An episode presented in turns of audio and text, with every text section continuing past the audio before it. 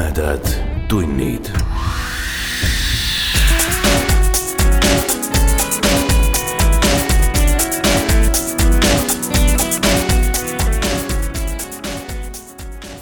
tere, hea ulmesõber.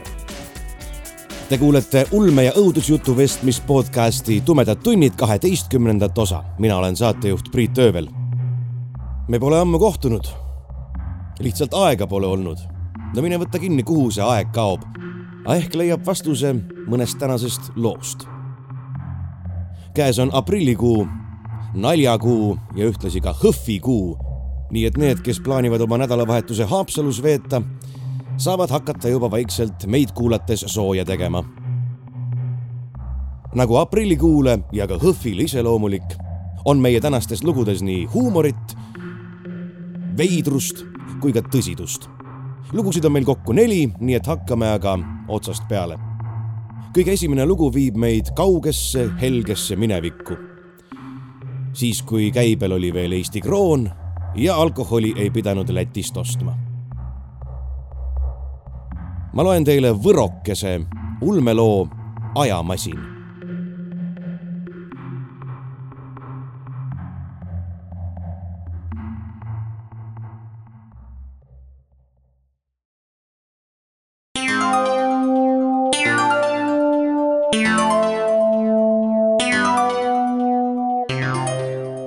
ega ma ajamasinat tegelikult tahtnudki.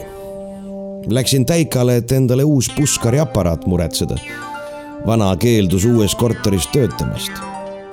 pime, pisike kööktuba väikese aknakesega pimedasse põhjapoolsesse sisehoovi. aga see-eest mulle taskukohane.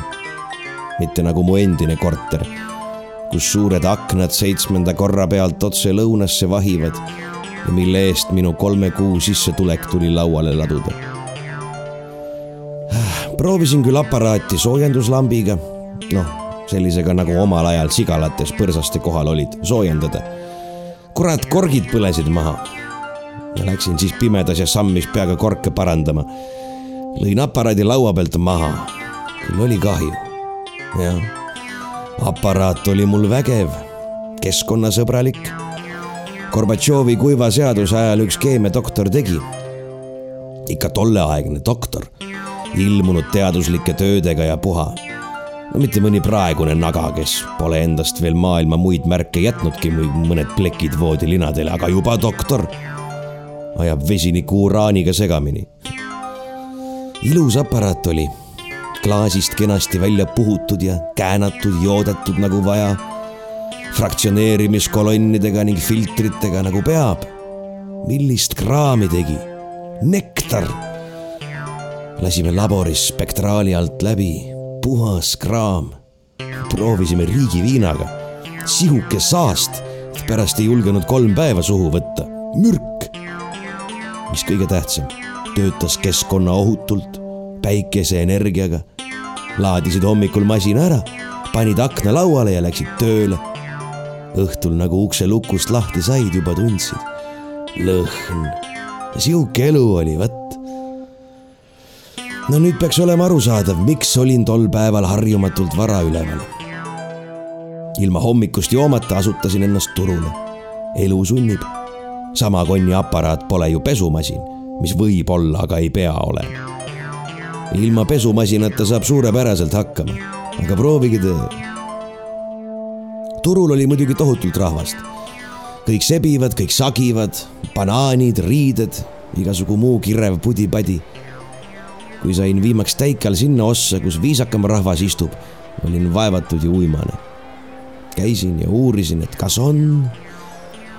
päike käis juba kõrgelt, hakkas kõrvetama. ei meeldi mulle massid ja tõuklemine, mitte üks põrm. nägin juba eemalt, istub üks kurb kuju, lõdiseb. aga laual mingi plekist kobakas. huvitav asi seesugune. Lähen ligi ja uurin, et kas tal on vastab, et pole. ja mis see on? uurin kaadervärki vaadates. ajamasin. ajamasin. esialgu mul isegi ei mõiganud, aga siis seest lõi kuumaks. ajamasin, ajamasin, sellega võib ju kurat, sellega võib ju lennult sellesse õndsasse aastasse põletada, kui maksis ainult viis kolmkümmend. Ei, veel parem, aastasse, mil maksis neli kaksteist, kolm kaheksakümmend, kaks viiskümmend kaks. hakkasin suisa võdisema. töötab kah? töötab nii, et seda nägu. noh, kus sa siis sellega ära käinud oled? ära käinud, ära käinud, pobises mehike. ajarännud on võimatud, seda peaks iga vähekegi haritud inimene teadma. Kõik on nagu mingid turistid jumala eest, muudkui laseks ringi ruumis ja ajas. see, koputas ta riistapuule, ei ole ajas rändamiseks. see masin toodab aega, muundab ainet aegruumi kontiinumiks. võtad paned siia ainet sisse, seletas ajamasina omanik ja pistis priima koni auku. ja lopsti paisubki meie universum tibake suuremaks. Te nagu teaks neid asju? küsisin kerge torkega. muidugi tean. õppisin kunagi teoreetilist füüsikat. masinagi tegin siis valmis. tahtsin oma teooriat tõestada. noh, siis võtsin naise teooria jäi sinna paika. siis naine kah. Mõtlesin, et mis ta kurat seal kapi otsas roostetab, raha on vaja, müün ta õige maha. no kes see sihukest ikka, alustasin ja siis plahvatas minul. see põhja joonud füüsik oli teoreetik. teda vaevasid maailma kõiksus ja igasugu kontiinumid. mina olen aga terve elu olnud praktik mis siis, et omal ajal endalgi kraadist pool pügalat puudu jäi. Teistsuguste kraadidega oli huvitavam tegeleda. manustamise mõttes. kui need paar korda, mil ma õlleka asemel masinaõpetuse loengusse sattusin, mitte täiesti raisku läinud aja veetmise viis polnud, siis minu ees oli masin, muundav masin masin, mis muundas ainet aegruumiks sellega võinuks vähemalt esialgu lahendada inimkonna prügiprobleemid ja veel palju muudki. aga see kõik ei huvitanud mind. absoluutselt. minu jaoks pole prügi probleem. meie saame omavahel suurepäraselt läbi. üks ei häiri teist. minul oli janu. kes seda on tundnud, teab, mis on probleem. edasilükkamatu sealjuures. aga kui edasi arutada loogiliselt võttes peaks see olema pööratav masin. pööratav, see omakorda tähendab seda, et ta võib ka kerida sedasamust aegruumi kontiinumi kokku ja muundada aineks. näiteks risk õilistab ja nagu ütles minu kunagine vaimne isa, joomisest võib loobuda vaid veel suurema joomise nimel. mis maksab? Küsisin reetlikult kähedaks tõmbunud häälega. mees nimetas hinna, mis kindlasti polnud realistlik. pärast pikka tingimist ja kostitamist minu isiklikus taskus olevast kilekotist võetud ainult korraks süüdatud kämeliga lõime kahekümne viie krooni peale käed. Deal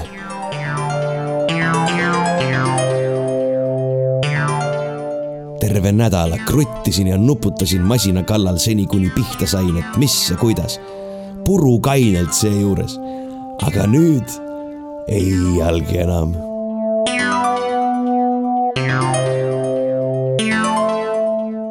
elan Tähtveres. korter on aus ja hea. võib-olla on küll talviti külm ja puhub läbi, kuid nüüd see mind ei morjenda. minu hinges on alati soe voodis pikutades ja omaette filosofeerides kuulen no sein on üsnagi hõre.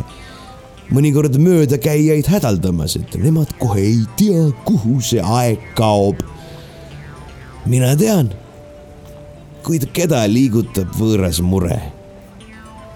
mina tahan elada oma elu nii, et poleks piinavalt kahju asjatult raisatud kuude ja aastate pärast.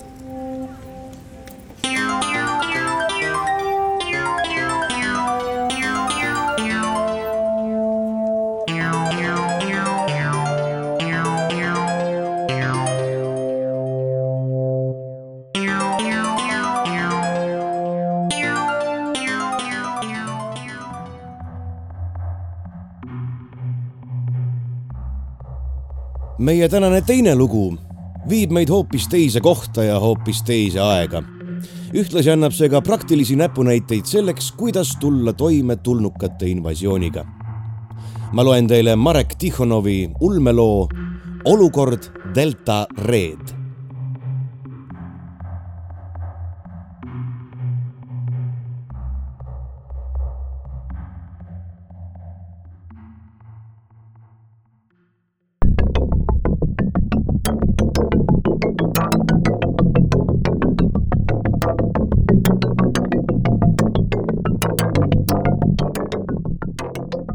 kolonelleitnant Baxley ahmis kramplikult õhku. oh ei, ta polnud astmaatik ega midagi sellist.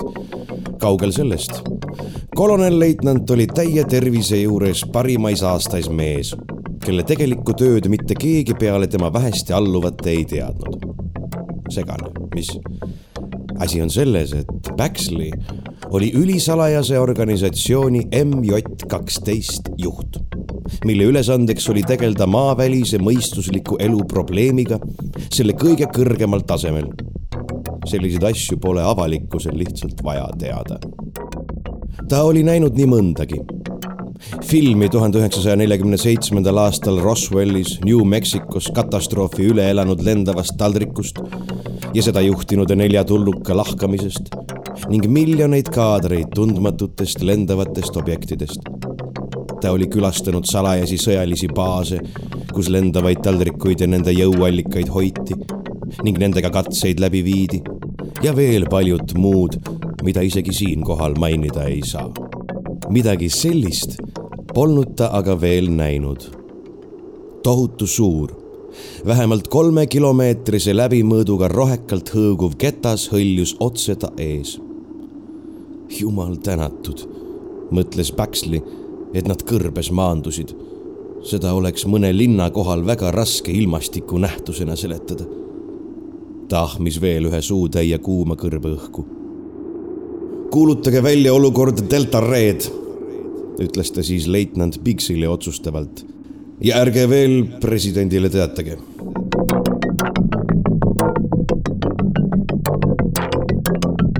Segvzo impeeriumi ülimjuht Bach seisis, käed ähvardavalt külgedele surutud oma sõjalaevastiku eliitristleja lahingruumis ja lasi oma arvukatel silmadel ümbrust hinnata. taamal seisid ristleja meeskonnaliikmed, kes hirmunult ülemjuhti piieldes värisesid. mu väärtusetud alamad, käratas Bach meeskonna poole pöördudes. Öeldu on tõeks saanud. me oleme sinisel planeedil sellest hetkest alates peab kõik sujuma nagu mullitatult. alistuge ja alluge. alistume ja allume, sosistas ristleja meeskond kui ühest suust maani kummardudes. Bach maigutas võimukalt suud. kõik sujus plaani kohaselt.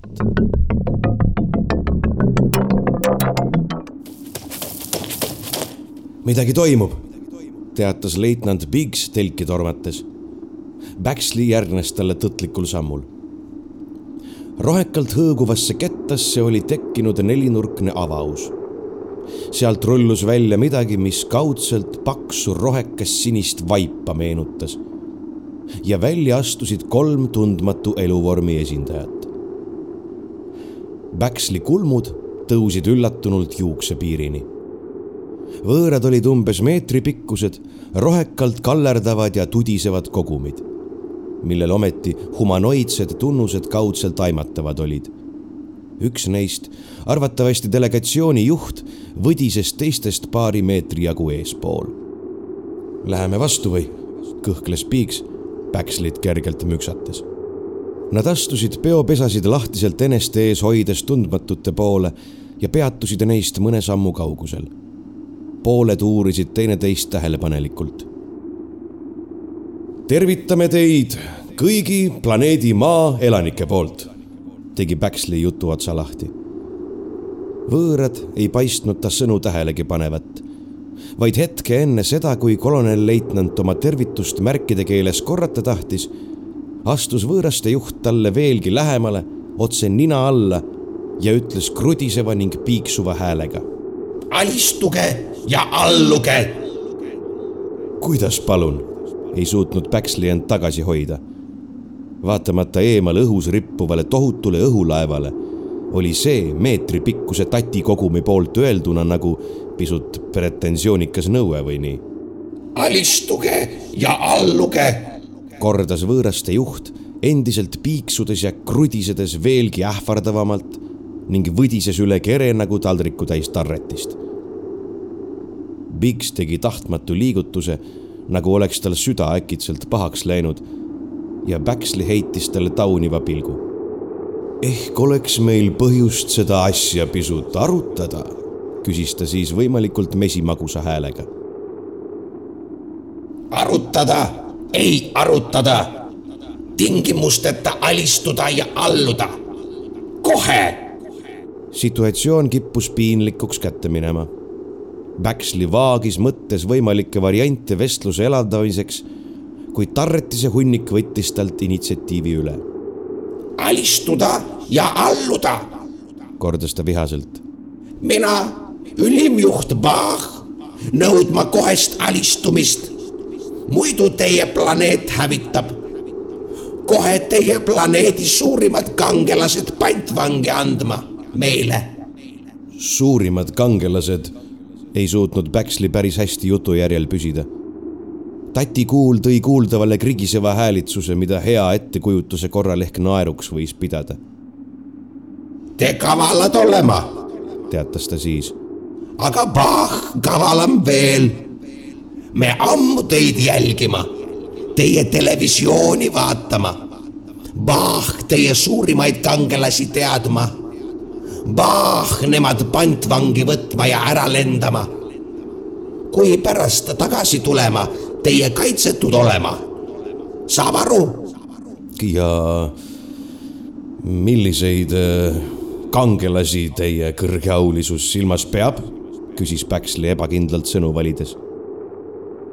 nii teatas Bach oma alluvate poole viibates, kellest üks ta ette pärgamenti meenutava rulli tõi. Ma ette lugema. me tahtma neid kangelasi. jõuluvana, Batman, ämblik mees, krahv Dracula, Superman. kohe tahtma, me ootab võõraste delegatsioon pöördus Bachi juhtimisel ümber ja marssis oma laeva poole. nelinurkne avaus selle keres kadus nende sisenedes, nagu poleks seda kunagi olemaski olnud. kas ma nüüd teatan presidendile? küsis Biggs, kui ta end pisut kogunud oli. ei, vastas Baxley ja astus kiirel sammul minema.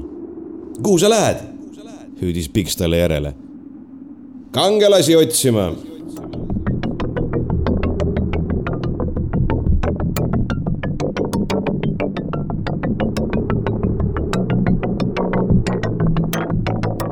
vaid mõned loetud tunnid hiljem tõusis võõraste laev peaaegu hääletult õhku ja kadus uskumatut kiirendust üles näidates pilvede taha. enne seda olid kosmoseristleja pardale astunud jõuluvana, Batman, ämblik mees, krahv Dracula ja Superman. Bach oli veel kord üle kere tudisedes alistuge ja alluge krudisenud ja rahulolevana kadunud. Baxley ja Biggs seisid kõrbeliival ja vaatasid taevasse, kus tegelikult enam midagi vaatamist väärivat näha polnud. igal juhul oli see kõige kummalisem esimese astme lähikontakt, mis mul siiani olnud on, teatas Biggs nina sügades. jumal tänatud, et mina sellest vanale Peerule ette kandma ei pea. jah, nentis Baxley ohates. see on kahjuks minu privileeg. kust sa need kangelased üldse üles korjasid, küsis Biggs. mis sa ise arvad? kust võib tänapäeval leida üht jõuluvana, Batmani, ämblikmeest, krahv Draculat ja Supermani? vähemalt oli mul päris hea valikuvõimalus. kahju, et nad Napoleoni ei tahtnud. mul oleks neile üks täitsa vahva vend pakkuda olnud. ei noh, täitsa hull lugu, teatas Biggs ja ta näole kerkis halvasti varjatud irve. ma loodan, et neil on seal üleval vähemalt lõbus. kindel see. muide, kas see jõuluvana ei tundunud sulle kuidagi tuttav? jaa. nüüd mul tuleb meelde küll. kaks aastat tagasi, kuidas nad seda kutsusidki, mõrvar jõulumees. ma mõtlesin, et nad saatsid ta elektritoolile. ei, ta oli süüdimatu, vastas Päksli kelle nägu nüüd samuti lõbusalt särama löönud oli. huvitav, kas Bach on ka oma issile ja emmele hea laps olnud?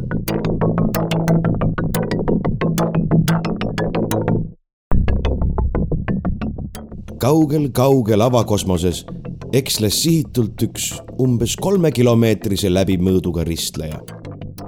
vaatamata sellele, et laeval väliselt vähimatki viga ei näinud olevat, rääkis ta kaootiline liikumisviis selget keelt, et kõik pole mitte päris nii, kui olema peaks. ma ütlen sulle viimast korda, sa loll masin, röökis ämblik mees eliitristleja juhtimisruumi arvukaid kange tõmmates ja nuppe vajutades. ma tahan õunapirukat ja limonaadi. kurat sind võtaks teised kangelased jõllitasid tühjade pilkudega, sülg suunurgast tilkumas ta meeleheitlikke ponnistusi toitu hankida vaid Batman näris isukalt tarretist meenutavat rohelist lärakat, mille ta nurgas lebava sült ja massi küljest rebinud oli. kusagilt ristleja sügavusest kaikus võimas ho-ho-ho. hullumeelselt säravate silmadega jõuluvana eksles tundmatust metallist kang löögivalmis käes ristleja koridoride labürindis ja otsis neid pisikesi kallerdavaid põngerjaid, keda ta varem põgusalt silmanud oli. kas siin häid lapsi ka on? karjus ta tohutust jõulurõõmust vahutades ja kangi viibutades sõjakalt. ei olnud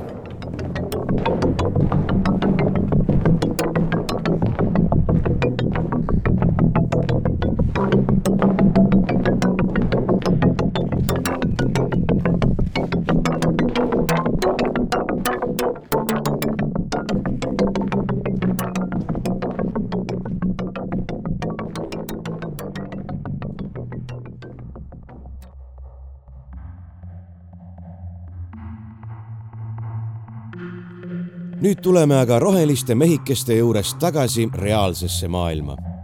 ühe ajakirjaniku ennast salgavatest tegemistest ja toimetamistest pajatab meile Maniakkide tänava õuduslugu Õpetus surnutest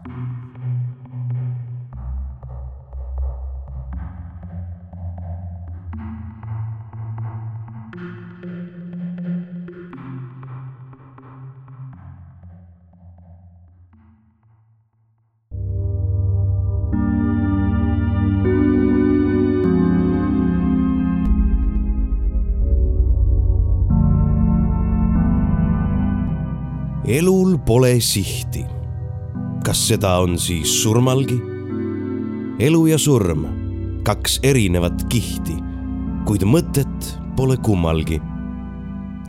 Nad on üks, ehkki üks on vait ja teine lärmab. tõde on üks, vahet pole, elad sa või kärvad. kui nii, siis teeme neist komplekti. segan kokku ja saan surmelava objekti.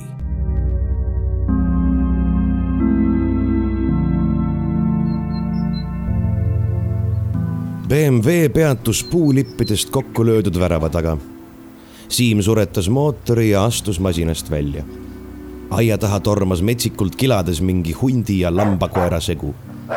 esimese hooga kartis mees, et elukas üle aia kalpsab ja valmistus kähku autosse varju pagema kuid koer jäi siiski aianajale pidama. Siim lähenes ettevaatlikult väravale ja jäi ootama. värava taga traataia sees asusid kaks hoonet. otse ees, mööda betoonist valatud jalgrada oli väike tellistest hütt, mida pooleldi varjas paari plangu jagu eterniitaeda, mis oli ehitatud nähtavasti ainult selleks, et aia tagant poleks võimalik hüti aknasse piiluda, sest eterniit oli vaid akna ees onni rohelisele uksele oli punase aerosooliga lohakalt värvitud pärjad. hüti akna ees plangu tagant paistis kaevurake. betoonraja kõrval oli L-kujuline elumaja mille tagakülg oli pööratud värava poole. lõpuks ilmus koera klähvimise peale maja nuka tagant nähtavale kahekümne kahe, kahekümne kolme aastane noormees. Pusle, hõikas ta kutsuvalt koera. tule ära ja jää vait. noormees kandis helerohelist kortsus ja auke täis rebitud T-särki ja näritud põlvedega teksaseid. pea oli tal ere puna-siniroheliseks värvitud. tere, hõikas Siim üle koera lõugamise. tere, venitas noormees. kas sa kurat jääd vait? käratas ta siis koerale. ma sooviksin rääkida härra Kurgiga, ütles Siim. pusleks hüütud koera ristsugutis oli vait jäänud ja haugatas ainult mõned korrad nagu ennast meelde tuletades. väga armas, ütles punker. räägi siis minuga. Siim noogutas, justkui oleks saanud kinnitust arvamusele isiku identiteedi suhtes. ma olen reporter ajalehe juurest, Siim. kutsutakse ka skriptiks, sellepärast et ma pidevalt kirjutan, kusjuures ainult käsitsi. skript tõstis fakti toonitamiseks näpu värava kõrval kasvava kasevõra poole. ta ei pannud tähelegi, et tema kohal ühel jämedal oksal kükitas must läikiva karvaga kass, kellele oli kõrvade vahele punutud pikematest karvadest ja võltsjuustest roosakas pats. jah, tähendas kurk äraootavalt. ta toppis käed püksitaskutesse ja vahtis skriptile ootavalt näkku. ehkki ajakirjanik seisis lõõskava päikese eest kasevarjus, tundis ta nagu istuks ta kuuma lõkke ääres tuul liigutas kurgi erepunaseid juuksesalke ja skriptile viirastus, nagu oleks teisel leegid juustena hubisenud. skript tõmbas käega üle näo, et lummusest vabaneda ning jätkas reipalt. vaata, ta valis familiaarse lähenemise. ma kogun materjale artikli jaoks, mis käsitleb satanismi Eesti noorte seas. no ja üldse vanemate seas ka, aga eriti noortekultuuris no ja mind juhatati sinu juurde. minu, üllatus kurk. tema näolt paistis siiras hämmeldus. kes? noh, skript pühkis jälle higi. pea iga teine Tallinna satanistlik noor nimetas sinu nime. nagu ma aru sain, oled sa neile nagu midagi gurutaolist. kurk hakkas lõbusalt kõõksuma. see, mõtles skript endamisi on naer suur juht ja õpetaja, kilkas kurk kõõksumise vahele. kuna koer oli vahepeal kuhugi minema töllerdanud, julges skript aiale naalduda. Nad väitsid, et neil olla isegi mingeid okultseid satanistlikke tekste, mis on sinu poolt kirja pandud. kurk naeris usun, et küllap need on tavalised õudusjutud, ilukirjandus tavaline ilukirjandus. Need noormehed paistsid neid päris tõsiselt võtvat, mainis skript. noored inimesed, tahtmist on võtku pealegi mul pohhu. sellega paistis jutuajamine lõppenud olevat. skript ajas siiski veel näpu üles kassi poole püsti. äkki saate mulle mõnda oma juttu näidata? kurk kehitas õlgu. ega eriti ei viitsi küll, mul tosin toimetust teha skript noogutas, lehvitas ja istus autosse. kassi enam puu otsas ei olnud.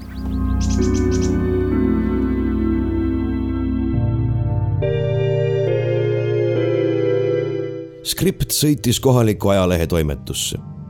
kui kurk kirjutas tõesti ilukirjanduslikke lugusid, siis oli ta neid võib-olla ka Vooremaale pakkunud ja neil võis mõni ta käsikiri alles olla linn oli külast, kus kurk elas, vaevalt poole kilomeetri kaugusel. külast teisele poole umbes sama kaugele jäi Jõgeva alevik. skripti õnneks olid inimesed Vooremaa toimetuses ametivennale üsnagi vastutulelikud ja mõningase viivituse järel tõid nad talle kurgi järjejutuna ilmunud loo Surm on lahti. vahepeal, niikaua kuni käsikirja alles otsiti, uuris skript kohalikku ajalehte ta silmad jäid pidama politseikroonika veerul. sõnum oli lühike. ööl vastu reedet vandaalitseti Siimusti surnuaial. poolenisti lahti oli kaevatud eelmisel päeval maetud MT haud, hauakivi oli purustatud ning pärgadelt olid nopitud kõik lilled. ahhaa, mõtles skript. paistab, et ka siinkandis võib esialgsest ebaõnnestumisest hoolimata mingit materjali olla. Ta tänas kolleegi ja paljundanud omale käsikirja, suundus politseiprefektuuri. seal polnud kahjuks selle juhtumiga tegelejad parajasti kohal ning politseiametnike umbmääraste vastuste ning segase jutu põhjal jäi skriptile mulje, et ega keegi sellega vist õieti ei tegelegi. teed küsides pööras ta masina Siimusti poole, mis asus mõned head kilomeetrid Tartu pool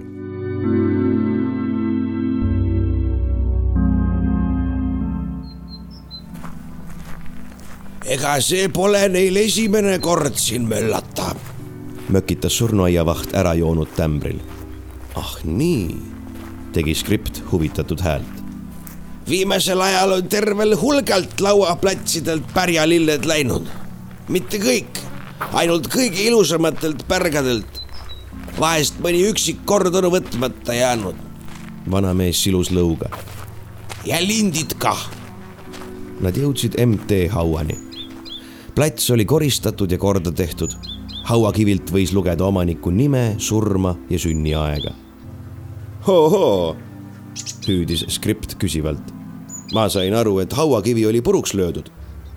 vanamees ei öelnud midagi. pomises niisama midagi habemesse. mis, ah? torkis ajakirjanik, kui Taat ei vastanud. oli jah, vastas Taat järsult.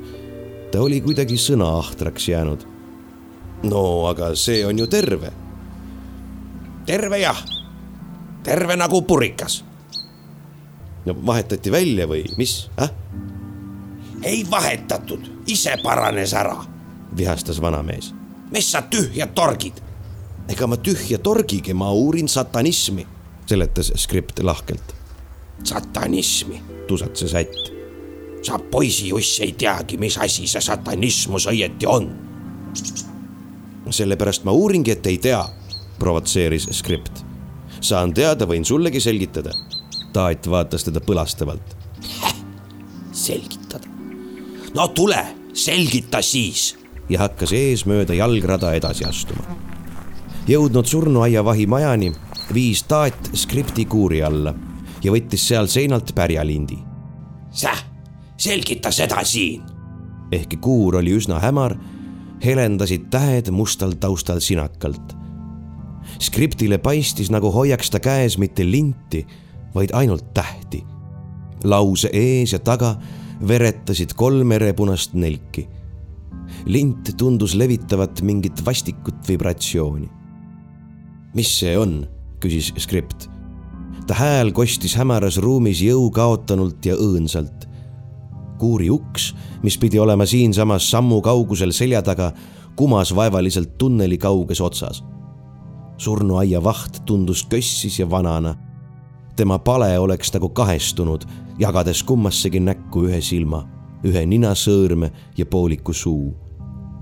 silmad mõlemast näost sihtisid helendavaid tähti.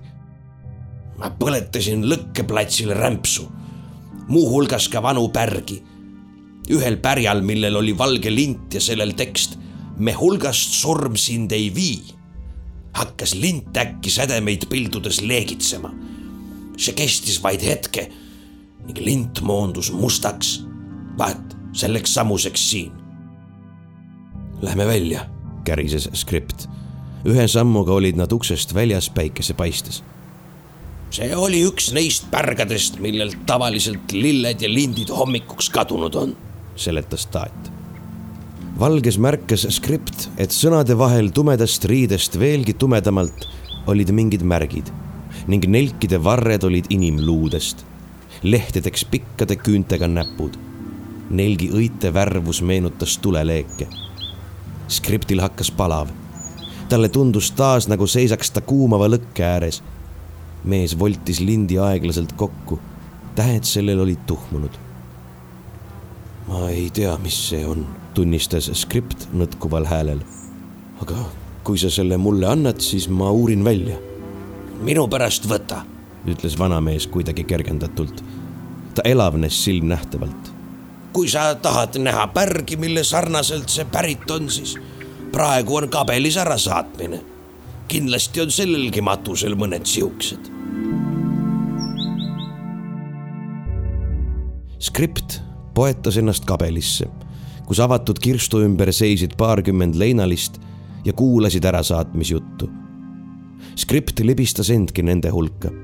kirstus lebas umbes kolmekümnendates aastates mees.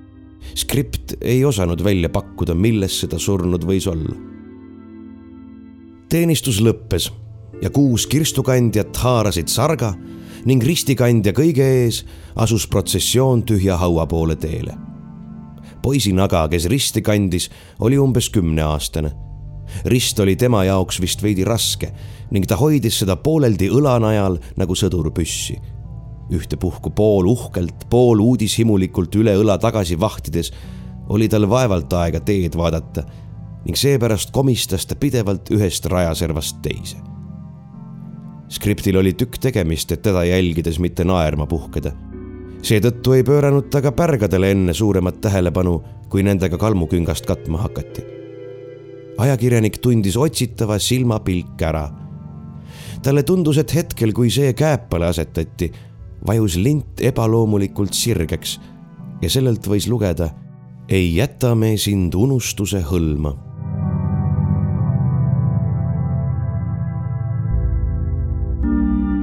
kiskus juba õhtupoole, kui skript Siimustist Jõgevale jõudis. ta võttis Virtuses endale toa, sest kavatses veel üheks päevaks siia jääda. toas istus ta voodile. talle meenus, kuidas ta oli pärast matusetalituse lõppu astunud ühe vanema naisterahva juurde, kes oli selle pärja toonud. skript kiitis pärast kaastunde avaldust pärga ning küsis siis selle päritolu kohta. naine oli andnud talle visiitkaardi sellel seisis kurk, pärjad, kimbud, lindid. skript tõusis püsti ja hakkas rahutult toas edasi-tagasi käima. visiitkaart oli teda mingil määral rööpast välja viinud. eriti kui talle meenus, mis oli juhtunud surnuaiavahi kuuris. skript kobas tasku järgi, kus lebas must lint. ta tundis, et läheb higiseks toa seinad tundusid teda rõhuvat kuidagi vastikult linti ta taskust välja ei võtnud, selleks ei jätkunud tal julgust. oleks ometi keegi veel siin ja mitte ruumis. siit ei saa nii lihtsalt välja astuda nagu tollest kuurist. õue on pikk tee ja õhtu ka juba. närviliselt sügas mees, higist kipitavat keha. tuleb selle kurgiga uuesti rääkida ja tema naabritega, enne naabritega kannatamatult kratsis skript oma pööraselt kihelevat kaela. tuba tundus iga hetkega üha lämmatavam. seinad paistsid madala lae all veelgi enam tema kohale koolduvat. skript seisatas järsult, ise raskelt hingeldades. midagi oli mäda. hüsteeriliselt toksis ta sõrmega lauaservale. ta peab siit välja saama ruumiga oli midagi kapitaalselt korrast ära, see ahenes kohutava kiirusega tuba oli äkitselt vaid kapi suurune ja ta tundis füüsiliselt, kuidas see teda õlgadest pitsitab. kas mul enam ongi piisavalt ruumi ümber keerata, et ukseni jõuda või litsutakse mind enne lödiks? vilksatas skripti hirmunud ajus. paanikas sööstis mees käheda karjatusega ukse juurde ja tormas koridori. see oli pigem käik kui koridor. välisukse poole joostes pidi ta pead allapoole kössitama, et seda mitte ära lüüa õue sööstis ta nagu püssikuul, joostes hoonest meeletuna eemale. alles paarisaja meetri pärast, tajudes enese ümber avarust, aeglustas skript sammu. ümberringi valitses hämarus ja öö.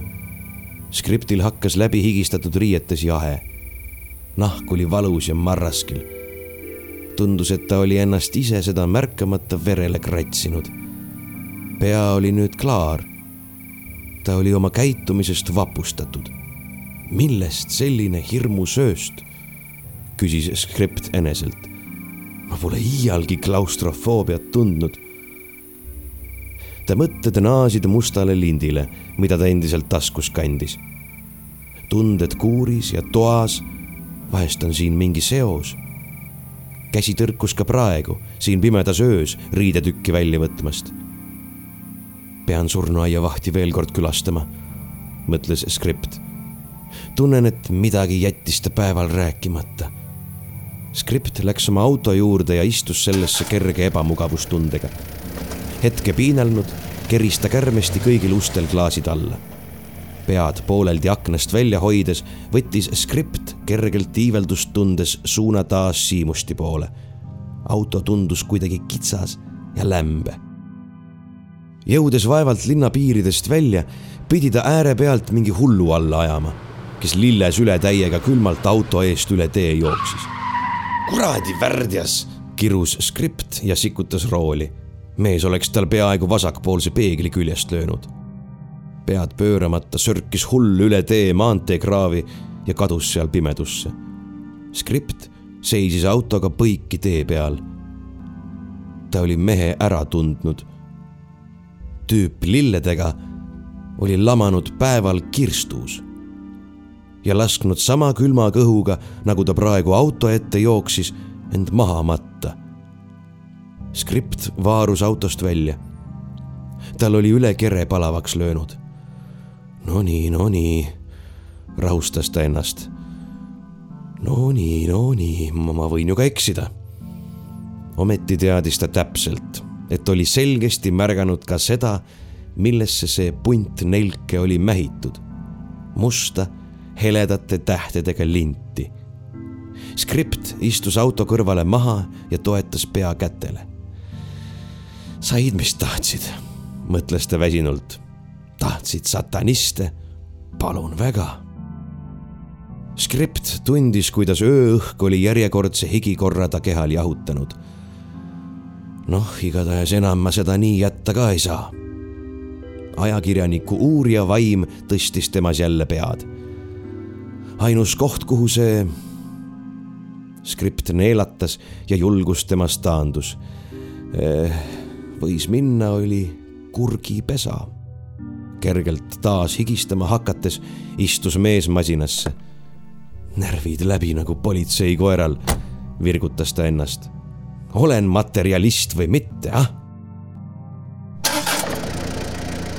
auto käivitus ja keeras otsaringi. igatahes ei pea me üksi jääma, kobas ta püksivärvlilt mobiiltelefoni. julgus tõusis taas paari kraadi võrra.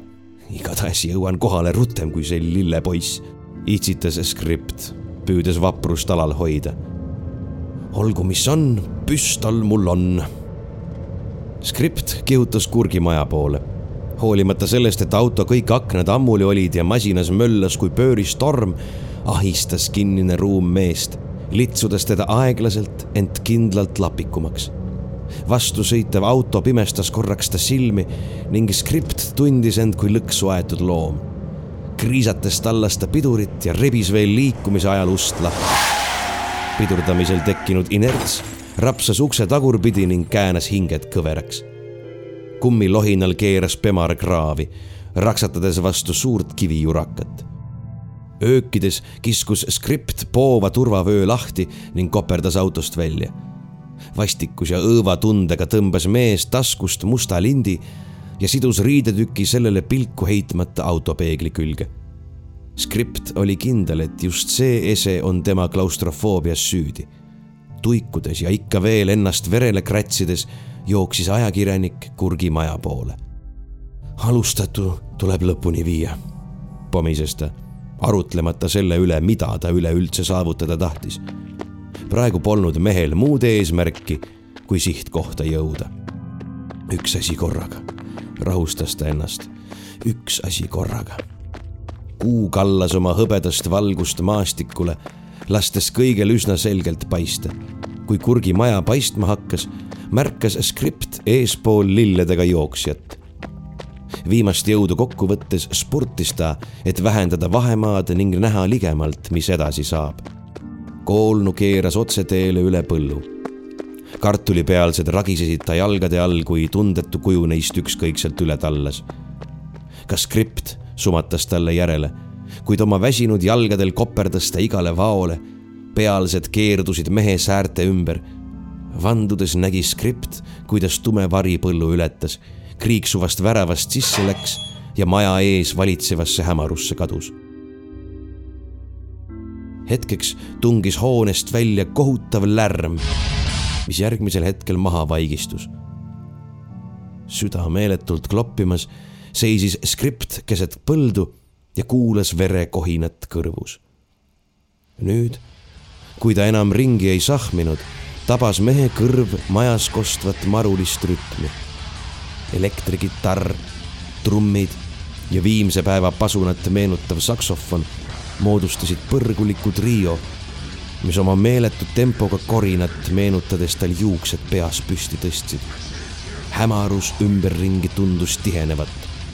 Ennast kummargile lastes hakkas skript uuesti liikuma hoone poole, millest kostvad helid selle põrgu eeskojaks muutsid. juba märkas mees ka aknaid, et jumala eest, need olid veel pimedamad kui ümberringi valitsev öö. jõudes värava ligi hakkas skript eristama ka häälte kõma. surnud, elutud hääled kisendasid, kuivõrd elutud hääled saavad kisendada. kuulipildu jäi aina sõnu. Ei usu ma teadusmehi, vihmaussid ei söö mulda. õgivad nad surnukehi, näksivad neil hambaist kulda. öösiti on selgelt näha, surnuaias liigub maa on inimesed maetud maha, kuid rahuhauaski ei saa. mees avas kriiksuva värava. metsik muusika ja laul kostsid täiesti selgesti. skript eristas iga pisematki saksofoni kiunatust ja basstrummi müdinat. tuna eile mind elusalt maeti, nii ussidest teada sain tõe. kirst mullakihiga kaeti, eestvedajaks kirjanik poe hauas lebanud olin vaid hetke, siis tundsin, kuis müdises maa. vihmaussid taas olid retkel, nende survest purunes gaas. skript oli täielikult depressiivse ja saatanliku põrgumuusika mõju all ning ei pannud tähele, kuidas ümber maja nurga sööstis süsimust lõukoer nagu õlitatud välk. alles hetk enne, kui röögatu sarviline monstrum talle kõrri kargas, märkas skript ta määrdunud kollaseid leegitsevaid silmi. instinktiivselt tõstis ta käed kaela kaitseks. kihvad laksatasid ohvri küünarnuki ümber kokku. Metsiku rapsakuga heitis koletis mehe justkui kaltsunuku marjapõõsastasse. kahmanud seejärel jalast, sööstis ta meest järel vedades pöörasele galopile ümber maja. terava selgusega tungisid skripti aiu kohutava laulu viimased salmid kalmus pime, ma miskit ei näinud, kuid tundsin hammaste ridu. uue ohvri need limukad leidnud, mu kehas möllas usside pidu. Nende olemust mõistsin vaid viivu, siis tükkideks rebitult surin. hing lahkus must linnutiivul, saatjaks raipesööjate urin. siis kaotas kaltsunukk teadvuse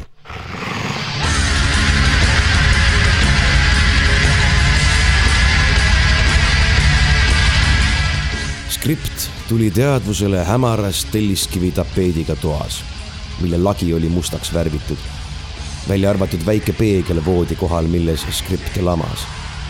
põrandal keset tuba põles üksik küünal. teisel pool seina mürises saatanlik kontsert. skript katsus ennast üles ajada. see õnnestus ilma suurema vaevata. paistis, et haavad, mis talle tõsist valu valmistasid, polnud siiski eriti tõsised seevastu hirmutas teda lähisaatus. skript kobas kaenla alt, kuid püstol oli kadunud. väike ruum oli pime ja sisendas õudu. neelatades tunnistas skript enesele, et ei julge jalgu voodist maha panna. ainus, mis talle veidigi lootust andis, oli fakt, et ta oma klaustrofoobiast üle oli saanud. sellest piisakese julgust saanud lükkas skript jalad üle serva muusika teisel pool seina katkes kui noaga lõigatud ning välkkiirelt tõmbas skript jalad tagasi ja mässis ennast tekipalakasse. vaikus süvenes ja süvenes. mehe hingamine kajas seintelt õõnsalt tagasi, võimendudes iga korraga. iga hingetõmme elas omaette edasi. paistis nagu hingeldaks toas kümneid inimesi. skript pistis röökima ja kattis kätega kõrvad.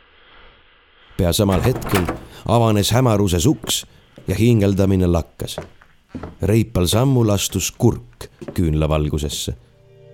tal oli seljas neetidega kaunistatud roheline presentmantel. kõrvas õõtsusid kirjaklamber, haaknõel ja tükk traati. noh, mõistuse juures tagasi, mu noor sõber, irvitas ta sõbralikult. alt langev valgus muutis noormehe näo kool ja luu sarnaseks kurk istus seina äärde põrandale ja kõkutas naerda. ega meie muusika sind ei häirinud, uuris ta ja irvitas vastikult. mis asja sa siin üldse luusisid keset tööd eh?? kurk võbistas tehtult õlgu. tahtsid midagi varastada või eh?? kuulge, kurk, katkestas skript teda. jah? kas te olete nekrofiil? kurk muigas. nekrofiil? ta naeratas omaette. jah seda võib öelda küll. seda ka. aga kõige täpsem oleks minu kohta öelda vast nekrosotsioloog. nekroloog, kui lühemalt väljenduda. nekroloog. sa oled sellele sõnale uue tähenduse andnud. imestad? kardan, mõtles skript. kas surnutel on nekropolides oma algeline ühiskond? See toimib küll erinevalt kui meie oma, kuid sorry, nende elu. kurk kõkutas. Pardon, nende surm, see on erinev meie elust väga,, väga-väga erinev. sul tõuseksid juuksed peas püsti, kui teaksid, kui erinev. ta hääl oli muutunud jahedaks, peaaegu kalgiks. pool inimkonda läheks hirmust lolliks, kui nad vaid aimaksid, kui košmaarselt erinev see on skript seedis kuuldut. kui temaga poleks juhtunud see, mis oli juhtunud, siis oleks ta rääkijat püsti hulluks pidanud. ja sina uurid neid? jah, mina uurin neid. tulemuslikult on valminud minu uurimustöö esimene vili, õpetus surnutest. kurk lausus seda tuntava uhkusega.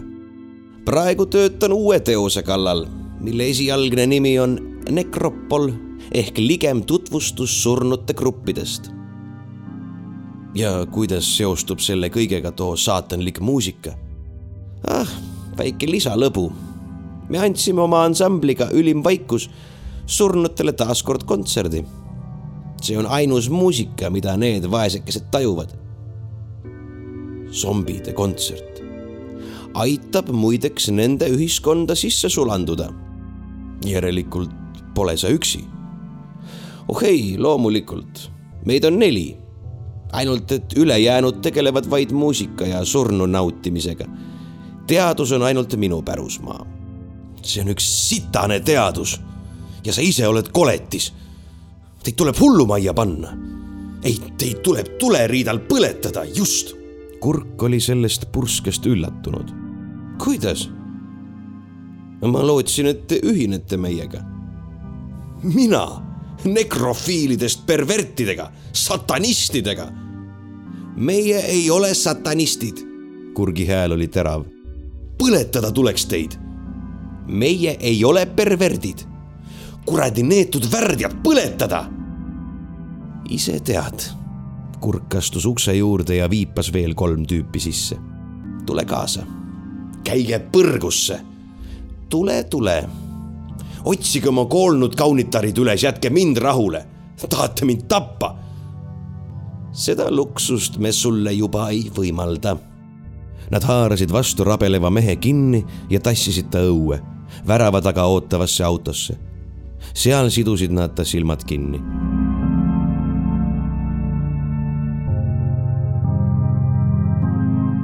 pärast mitte eriti pikka autosõitu visati ta masinast kuhugi liivale ja jäeti sinna skript ei suutnud oma õnne uskuda. nii lihtsalt ta nende käest pääseski. ta rebis sideme silmadelt. südant lõhestav hirmuröögatus vallandus mehe kurgust. meeletu pilk ühele poole. sadade kilomeetrite viisi kihutasid talle vastu metsad, majad, teed, iga viimane kui pilv ja rohulible. vasemal röögatu avarus keset aleveid, külasid, linnu. skript varises liivale, peites pea kätega. see neetud avarus. hirmu higi kehalt voolamas pilutas mees üht pungis silma ja heitis pilgu öötaeva poole. miljardite kilomeetrite viisi tühjust. tühjust tühjust. ulguva röögatuse saatel kukkus skript kätega jõe kalda liivas kraapima, peitu, varjuda, eemale sellest tapvast universumist, kus sa oled kui tolmukübe. iga tuulehoog tõstab või lömastab su. küüned murdunud, kraevahe mulla liivasegu täis, pressis skript end kitsasse urgu, seda pidevalt pikemaks, sügavamaks kaevates kaitsvad seinad ümberringi külgi riivamas mõjusid turvaliselt. paari-kolmemeetrise käigu lõppu uuristas mees endale pisut suurema pesa, kus sai end hädavaevu kerra tõmmata. keha oli kui tuld täis, sinine, verine. ta polnud hommikust saadik midagi söönud. närvipinge ja füüsiline töö muutsid söögivajaduse kohutavaks ihaks Need mõned vihmaussid, mis ta leidis, kõhtu ei täitnud. värisedes ja meeltesegaduses jäi skript vastu hommikut rahutusse ja painajalikku unne.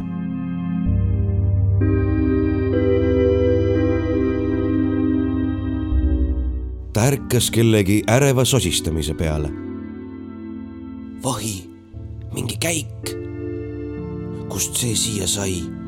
ma ei tea skripti peas ujus meeletu udu ja virvarr. nälg tahtis silmanägemist ära võtta. hüsteeriliselt vahtis ta ähmaste silmadega käigusuudme poole. iga krõpsatus pani teda võpatama. iga võpatus lõikas nagu noaga tema räsitud ihu, sundides teda hambaid kiristama. keegi väike poiss ronis ettevaatlikult käiku. kas sul tikke on? küsis too kelleltki oma selja tagant poiss sikutas käe tagasi ning saanud doosi tõmbas tiku põlema. leek valgustas tunnelit ja selle taga sadu, sadu kilomeetreid kohutavalt avarat ilmaruumi. urahtades sööstis skript edasi ja rabas kindla haardega poisi kõrist. karjatust lämmatades lõi skript teise käe näppudega poisile silma, üritades jõuda ajuni tõmmeldes ja korisedes kadus laps sõbra vaateväljast. kisades pani see alevi poole jooksu. näljas skript lõi hambad surnud poisile kätte ja rebis nälja kustutuseks suutäite kaupa verist liha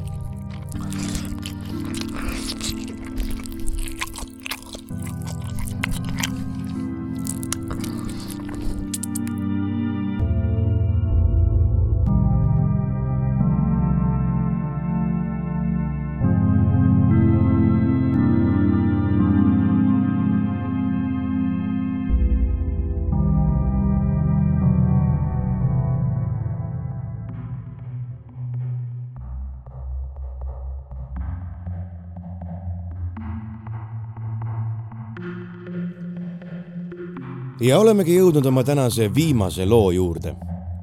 kõiki seni tekkinud traditsioone eirates ei pärine see mitte ulmeajakirjast Algernon, vaid nende sõbralikust konkurendist, ajakirjast Reaktor.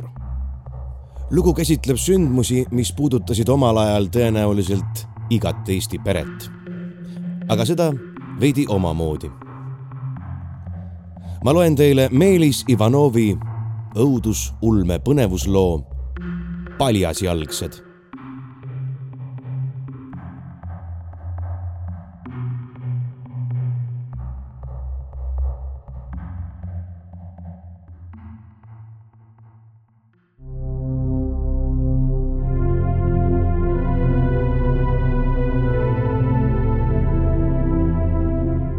ikka ja jälle mõtlen sellele loole mõnel hommikul, kuid tihedamini õhtul, kui tuleb sokke jalga või jalast tirida, jooksevad silme eest läbi pildid sisse kukkunud katusega majast metsa ja raba piiril.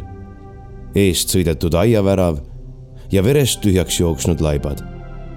kuigi maja juures olen korra lapsena käinud, on Muumu enda aju poolt konstrueeritud ühe jutustatud loo põhjal, mis minust kuidagi lahti lasta ei taha. Ma ei kuulnud seda lapsena, vaid juba magistrantuuris õppides. jutustaja oli mu vanaisa, olgu muld talle kerge. nii palju, kui ma tean, oli selle juhtumi tunnistajateks vanaisa ise, tema õde ehk minu vanatädi Inge ja vana-vanaema kes suri juba enne minu sündi. ilmselt see pere ka, kes seal majas elas, aga nemad jäid juba siis teadmata kadunuks. Inge elab veel, aga miski minus ei luba tema käest loo tõepärasuse kohta uurima minna. vahet pole ka, kui lugu tõsi on, ei tahaks hooldekodus elavale memmele seda meelde tuletama hakata. kui vanaisa selle välja mõtles, pole veel eriti mingit vahet on mõningaid ähmaseid viiteid, mis lugu kaudselt justkui kinnitaks, kuid ühtegi paberit tol hommikul juhtunu kohta pole välja tulnud. tuulasin arhiivides ka, aga sealt ei leidnud isegi märget, et konkreetselt seal külas oleks tol päeval keegi surma saanud. võib-olla ei osanud õigest kohast otsida sellel päeval juhtus muidugi väga palju vastikut ja õõvastavat ümberringi niigi neli ebatavalist laipa võis kahe silma vahele jääda küll. kuigi vaevalt, eks mässiti asi tolle aja kombe kohaselt kinni. vanaisa oli tõeliselt muhe mees. Täpselt selline, nagu üks vanaisa olema peab. kohev hall habe ees, koide poolt auguliseks söödud villane kampsun seljas ja alati tossav piip suus pensionipõlve veetis ta enamasti paadiga järvel või siis täiesti uskumatult võrratuid ahvenaid ahjus suitsetades. kui me alles lapsed olime, oleks me õe ja tädilastega hea meelega vanaisa, vanaema juures elanudki. Igasuguseid vigurjutte ajas ta meile muidugi ka. näiteks rääkis, et kui tema laps oli, pandi suur suhkrupea nööriga köögilaua kohale, kus tee joomise ajal sai igaüks keelega üle tõmmates enne lonksu suu magusaks teha banaan oli tema jaoks elu lõpuni neegritatt. ja mis seal salata, viinagi võttis, kui vaja ja muul ajal ka. hiljem, kui kopsuvähk juba volilt laastamistööd tegi, hakkas vanaisa mulle rohkem peale käima, et teda tihedamini vaatamas käiksin. olin siis noor mees, ülikool, korp, pummeldamine ja naised võtsid jubedalt aega kuid vältimatut lõppu lähenemas nähes proovisin ikka paar korda kuus läbi hüpata. tema talu ei olnud Tartust väga kaugel, aga bussiga tuli siiski sõita, kuna autot mul siis veel ei olnud. vanaisa valmistus juba siit ilmast lahkuma ja jagas varandust. ühel laupäeva õhtul, kui olime ühe odava bränditaolise Bulgaaria toote ära rüübanud ja ma kotist teist otsisin, ütles vanaisa midagi sellist.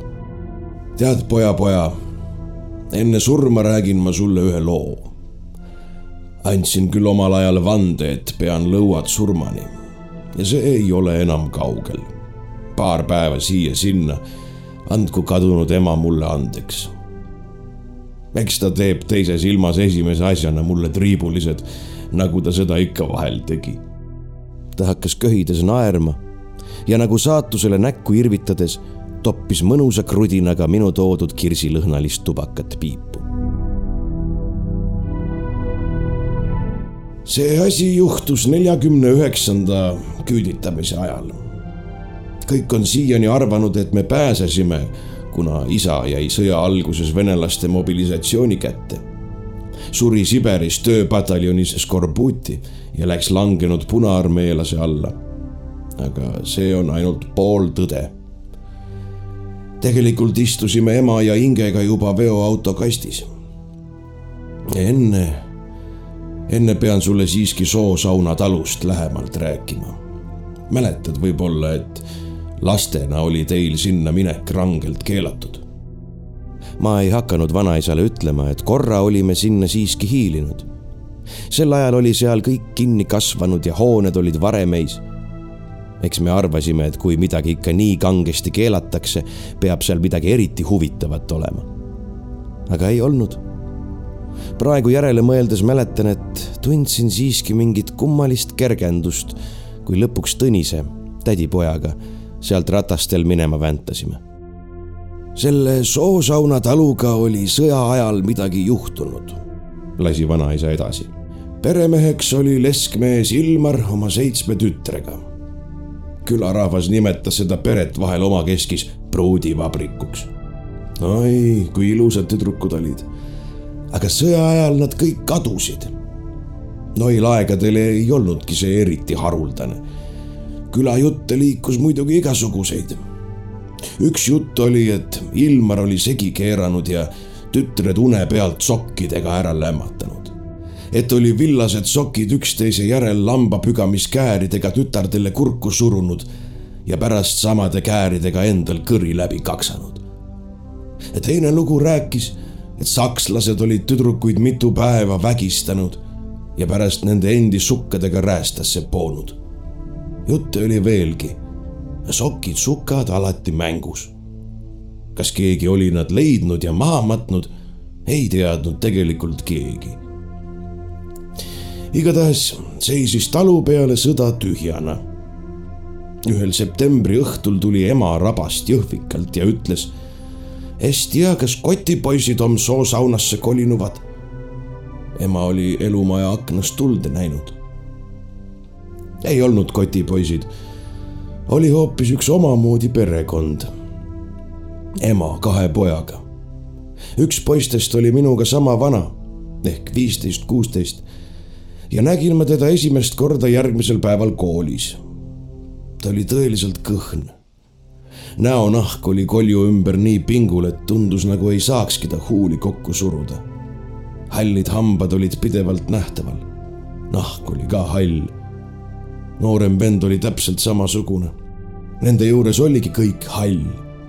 maja, kus nad elasid, riided ja nad ise ka. ma ei saanudki poole aasta jooksul aru, kas poisi nimi oli Ants või Hans.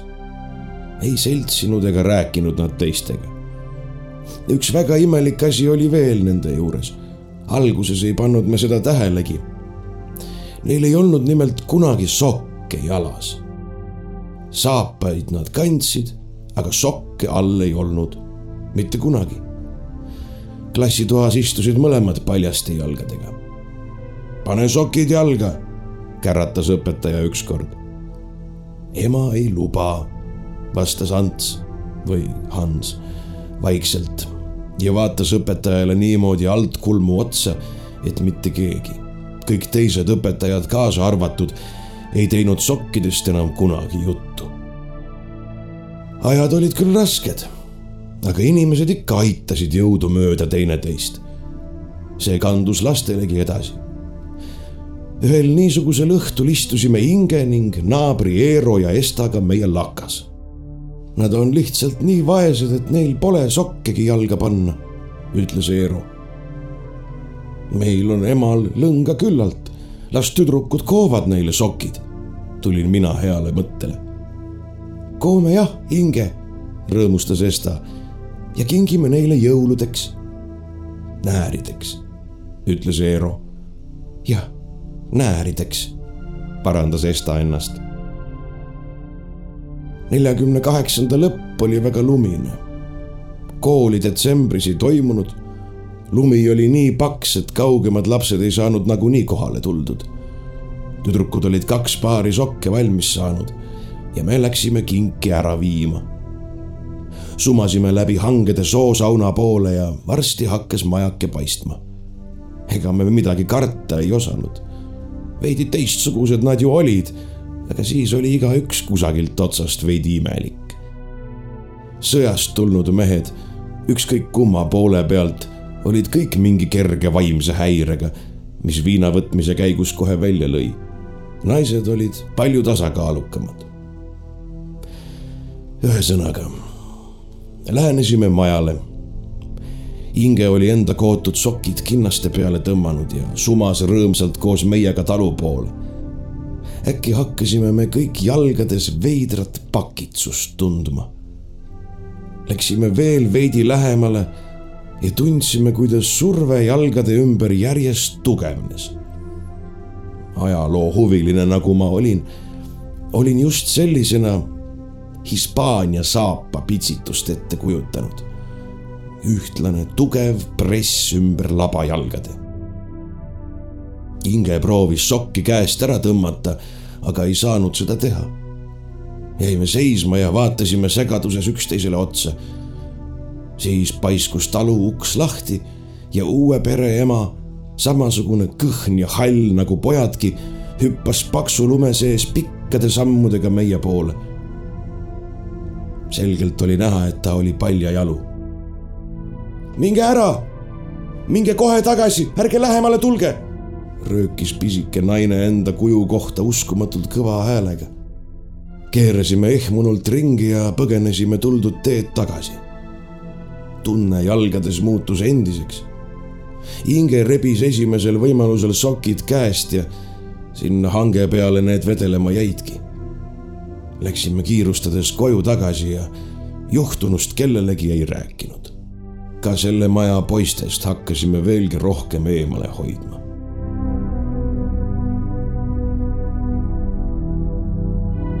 sinna tagasi sattusin alles kevadel, täpsemalt kahekümne viienda märtsi hommikul.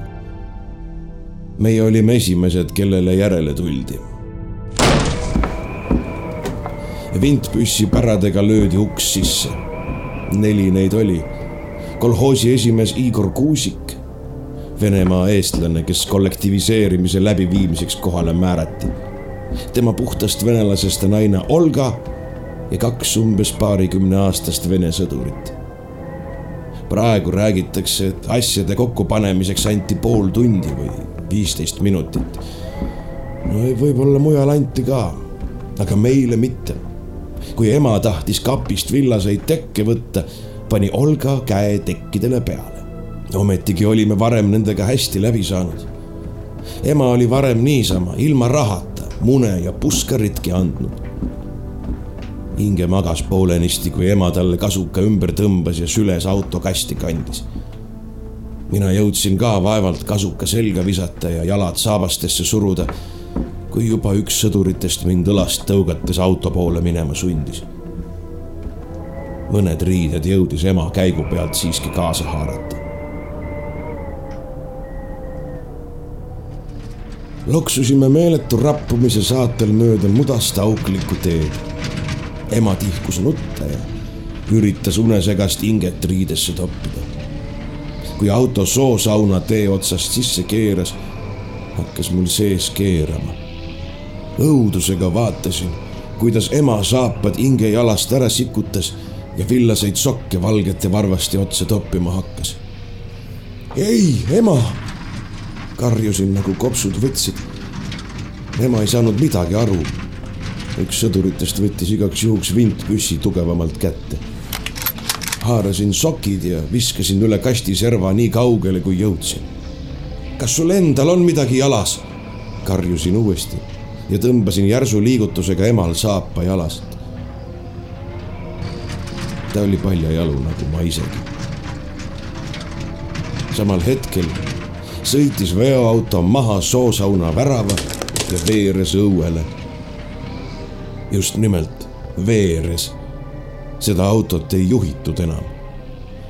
veok riivas küljega kanaaedikut ja vajus vastu aida seina. hoog ei olnud suur ei kukkunud me pikaligi. üle mootori madala jõrina kuulsime teravat raginat. sellist nagu kostus siis, kui ema seakonte läbi hakklihamasina lasi.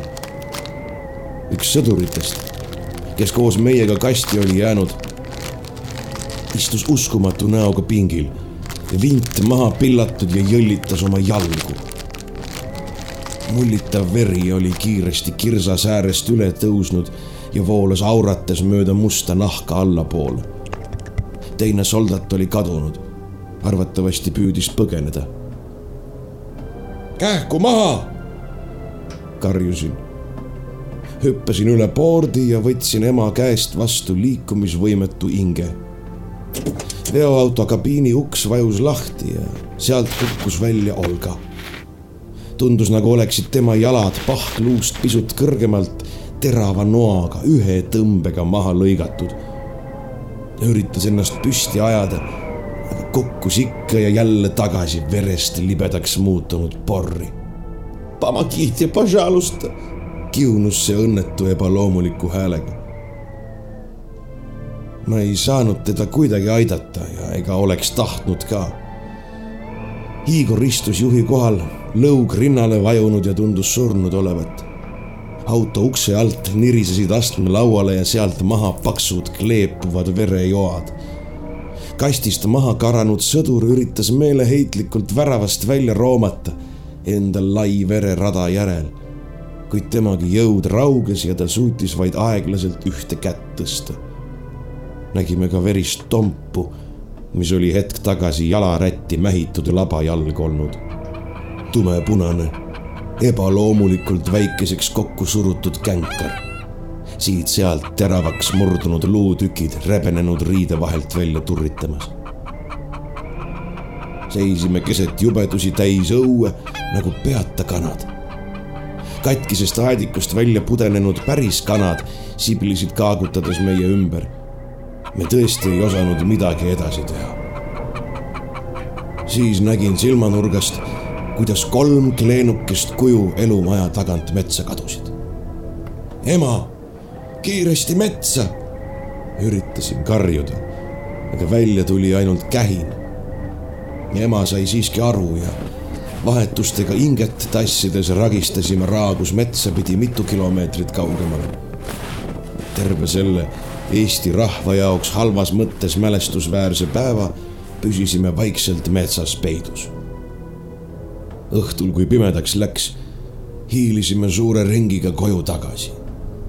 kõik oli täpselt nii, nagu oleksime lihtsalt korraks kusagil ära käinud. sisse pekstud uks välja arvata. ja usud poja, poja või mitte, aga rohkem meid keegi ei tülitanud.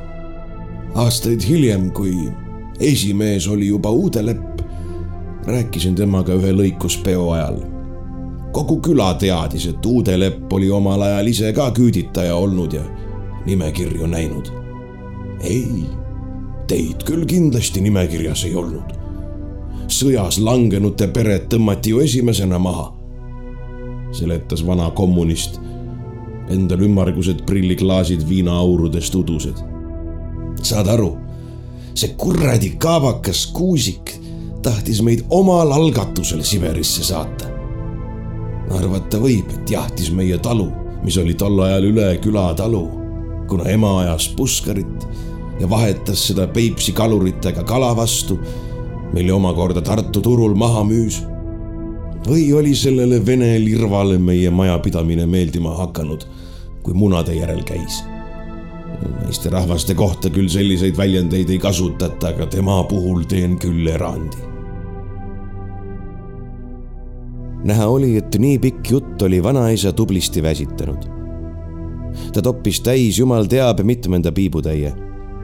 nukralt vaatasin, kuidas leek tiku otsast mitu korda järjest tubakasse sukeldus ja suured suitsupahvakud õhus hajusid. jõime ära veel kolmandagi pudeli pliskat ja viimaseks kahekesi olemiseks see jäigi. kolm nädalat hiljem viidi vanaisa Maarja mõisasse ja sealt välja enam ei saanudki. nüüd, kümme aastat hiljem, kaalun tõsiselt naise ja lastega vanaisa tallu elama asumist. ei ole siiani suutnud otsustada. üks häiriv mõte tuleb ikka ja jälle pähe. ma ei suuda kuidagi meenutada, kas siis, kui me Tõnisega ratastega soosaunal käisime, olid meil jalas sokid ja ketsid või olid lihtsalt plätud kõntsaste varvaste otsa torgatud.